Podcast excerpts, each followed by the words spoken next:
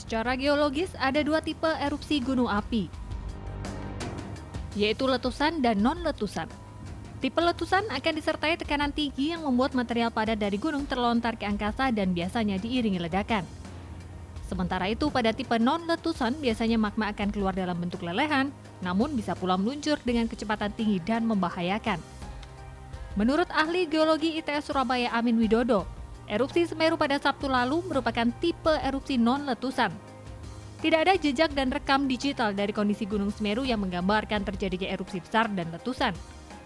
Sebagai gunung berapi aktif, erupsi non-letusan kerap terjadi pada Semeru dengan skala kecil, namun intensitasnya cukup tinggi. Erupsi kecil yang kerap terjadi berhari-hari mengakibatkan material-material panas menumpuk di sekitar bibir kubah Semeru. Kondisi hujan lebat pada Sabtu lalu di sekitar Semeru akhirnya membuat material yang menumpuk akhirnya longsor. Kemarin yang terjadi di Semeru, ini kubah lava ini runtuh. Nah, karena dia masih panas, maka dia menimbulkan apa namanya awan panas atau yang dikenal dengan pedus gembel. Nah, karena pada waktu turun tadi juga ada hujan, maka dia bisa memicu longsor yang lebih besar yang ada di bawahnya.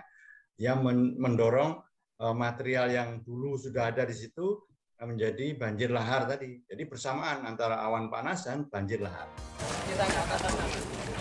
Banyaknya korban jiwa dalam fenomena erupsi lalu disebabkan masih banyak warga yang tinggal di area rawan bencana.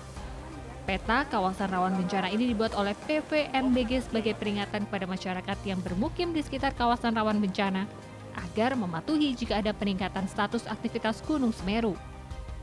Masih menurut Amin Widodo, melihat masih banyaknya warga yang bermukim di kawasan rawan bencana Gunung Semeru, pemerintah daerah wajib membuat sistem peringatan dini sendiri dengan memanfaatkan kemajuan teknologi yang ada.